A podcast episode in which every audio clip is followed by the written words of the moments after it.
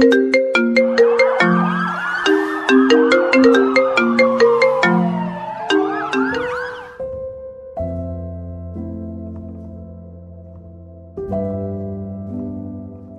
الخير وأهلا وسهلا فيكم مستمعينا الكرام في بودكاست من الآخر وموسمه الرابع. يا رب تكونوا بخير وسعادة وأهلا وسهلا فيكم مستمعينا من جديد.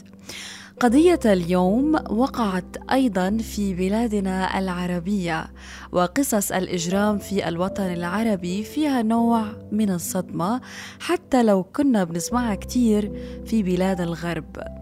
يمكن بحكم عاداتنا وتقربنا من ديننا فبيصبح أي نوع من الجرائم بيهز أبداننا وبالأخص لو كانت أو كان الجاني من جنسية عربية. وبالأخص أكثر لو كانت قصة حب. وبالأخص أكثر لو كانت بتقربوا الحب عادة يجعل أي إنسان رحيم رؤوف وودود حتى لو كان أساسه مجرم. ولكن في حضرة المحبوب يصبح مسالم للخير وبيصير بده يحميه حتى من حاله. وهي فطرة إنسانية في معظم قلوب العاشقين. ولكن مع الأسف مش كل قصص الحب بتنتهي بمودة ورحمة. الأنانية بتقتل ورفض القدر بيقتل وعدم تقبل القضاء ومشيئة الله بيقتل ويمكن بيذبح. تباعا لمقولة يا أنا باخدك يا الله بياخدك. هاي الجملة بنسمعها كتير وبنضحك لأنها في بعض الأحيان تدل على الحب الشديد للشخص أو التمسك به حتى آخر رمق. وبينفهم معناها على أنه قادم على أخذ جميع الصعاب لتصبح حبيبته من نصيبه. بس مش في قضية اليوم واللي هي مرجعها ستة اثنان صفر صفر ثمانية. أي القضية السادسة في سنة 2008 وتحديدا في عمان عاصمة المملكة الأردنية. كان في شابة في عمر الزهور رح أطلق عليها اسم إيمان. إيمان كانت شابة جامعية عمرها 16 سنة. بنت يتيمة الأب. ما عندها أخوان عندها بس أخت واحدة بتكبر منها كم سنة. إيمان كانت تقية ونقية وبارة لوالدتها. رافضة أي تشوش فكري وبدني بيبعدها عن مستقبلها أو مستقبل أحلامها. طموحها كانت إنها تأسس حياة كريمة لوالدتها بالذات بعد ما توفي والدها في عمر صغير. حست نفسها هي وأختها مسؤولين عن البيت وعن أمهم وبدهم ينجحوا ويثبتوا أنفسهم والحب كان آخر همها بس كان أول هم ابن عمها. ابن عمها كان أكبر منها بعشر سنين وبما أنه توفي عمه اللي هو والدها حس نفسه أو حاله مسؤول عنهم. دايما بيسأل عنهم بيزورهم يعني كان بيحاول إنه ياخد دور الأب والأخ في بيتهم. بس إيمان كانت مصرة إنه ما في داعي للزيارات الكتيرة أو إنك تضلك رايح جاي. قالت له أنا عم بشتغل وبدرس. زياراتك في وقت متأخر لعنا عم تعمل نوع من الإحراج. خلص أنا إذا بدي شي رح أحكي لك. في النهاية البيت ما في رجال. خليك ضمن الحدود أو تعال مع عمي مش لحالك. ابن العم سرح فيها وقالها إيمان أنا باجي علشان أشوفك وعلشان أثبت لك إني رجال. أنا من زمان بحبك ومن زمان ناوي إني أتزوجك. ومن بعد وفاة عمي زاد تعلقي فيكي لأني حسيت بالمسؤولية. وأنا متأكد إنه أمك وأختك فخورين فيني كتير. ردت إيمان. أنا ما بدي تحسلي بشي بولا شي. أنت ابن عمي وبس. إحنا أخوان وأنا لو بدي أرتبط بحدا ما رح يكون من عيلتي. انصدم كتير ابن العم وقالها كيف كيف؟ شو؟ وربي وديني إنه ما في ولا بني آدم رح ياخدك غيري. أنا بقترح عليكي إنك تحبيني لأنه ما رح يكون عندك أي خيار تاني المهم إيمان راحت لعند والدتها وخبرتها بالقصة وقالت لها اللي صار. ردت الأم وقالت لها ما عليكي من كلامه أنا رح أحكي مع عمك لأنه أخوه الكبير كمان عينه على أختك الكبيرة سوزان. أنا رأيي واضح وأنا المسؤولة عنكم وعن حياتكم. كلمت الوالدة العم الأكبر وخبرته بالقصة وقالت له بناتي مش لإلكم. رجاء ما بدي ولادك يتواصلوا مع بناتي. ولو عندي شي أنا رح أكلمك. وخليهم لبناتي يركزوا بحياتهم بعيد عن أولادك لأنه من الواضح أنه نيتهم دخل فيها الطمع.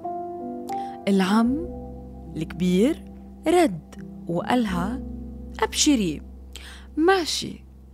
خليهم يعنسوا لأولادي ولا غيرهم رح ياخدهم. اطمني. إيمان من بعد هاي المكالمة بالذات صارت مراقبة في كل تحركاتها من الجامعة للبيت من البيت للصالون من الصالون لمنزل صاحبتها. يعني في كل خطوة كانت متتبعة من ابن عمها لأنه كان خايف أنه يكون في حدا في حياتها وعشان تستسلم وتسلم أمرها لإله. المهم في أواخر سنة 2008 رجعت إيمان من الجامعة وقالت لأمها ماما في زميل معي بالجامعة. أول سنة طب. إنسان محترم وخلوق ومن عائلة محترمة. حكى معي وطلب رقمك بس أنا خايفة كتير إنه يصير شي أو يعرف ابن عمي. هذا مجنون وكل يوم عم بشوفه عم بيراقبني. الأم عصبت كتير. بما معناه إنه ما لازم حدا يخوفك وأنا بحياتك ولا المفروض أساسا إنه يراقبك مين مفكر حاله. أنا رح أحكي معه ورح أحكي مع أبوه. وانتي هذا العريس أعطيه رقمي خليه يطلبك طالما هو محترم. منها بيستسلم ابن عمك ومنها بيكون في عنا رجال بالعيلة وبالبيت يحمينا من ولاد عمك ومن عمك. لازم أبعدكم عنهم. وبالفعل تقدم العريس ووافقت الأم. وخبرت الأهل أنه رح يتم عقد قران ابنتي إيمان في تاريخ 22 5 2008 في المحكمة الشرعية في محافظة الكراك. كان موعد عقد قران إيمان على زوجها المستقبلي. كان الجميع على وصول. الشبكة العقود الخواتم الأهل العرسان. بس في ضيف واحد ما كان معزوم. وحب إنه يسجل دخول في المحكمة. ويبارك لإيمان بنفسه. وصل ابن العم مع أخوه الكبير. وبدال ما إيمان توقع عقد قرانها في هذه الليلة أو هذا اليوم توقع عقد شهادة موت إيمان. ابن العم دخل وسلم على إيمان بثلاث طعنات داخل صدرها وأربعة على الخاصرة. أدت إلى وفاتها على السريع. وأثناء الصريخ والنواح والعياط حاول الأخ الأكبر اللي هو السند لاخوه اللي هو ابن عمها الثاني بذبح سوزان الأخت الكبرى. سوزان قدرت إنها تهرب من الموت واستطاعت التخلص من الموت. بس إيمان كانت ضحية حب فاسد حب أناني ضحى فيها بدلا عن الاكتفاء بكلمة لا.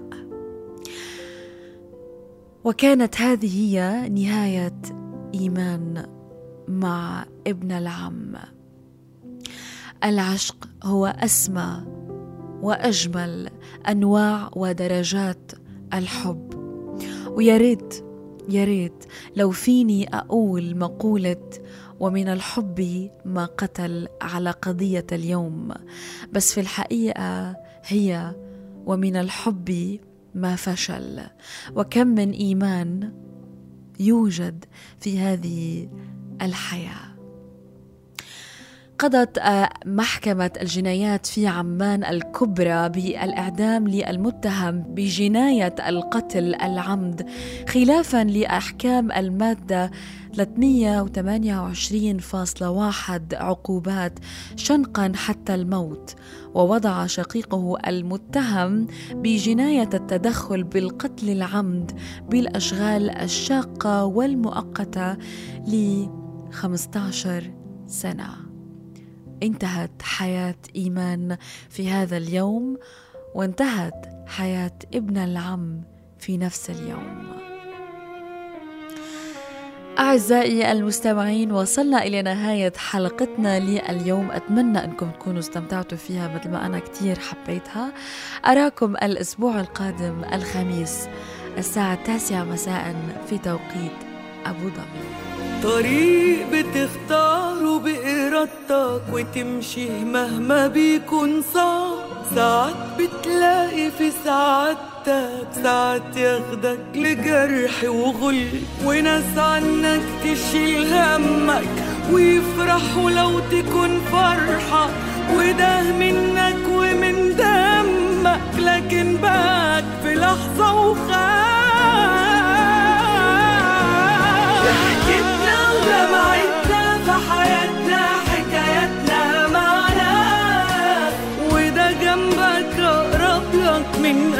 قلبك وخطبته ما فيه بيكره وده بايع بالفكرة وما عندوش إحساس. والقلب اللي ما بيحبش يبقى خسارة يا عيني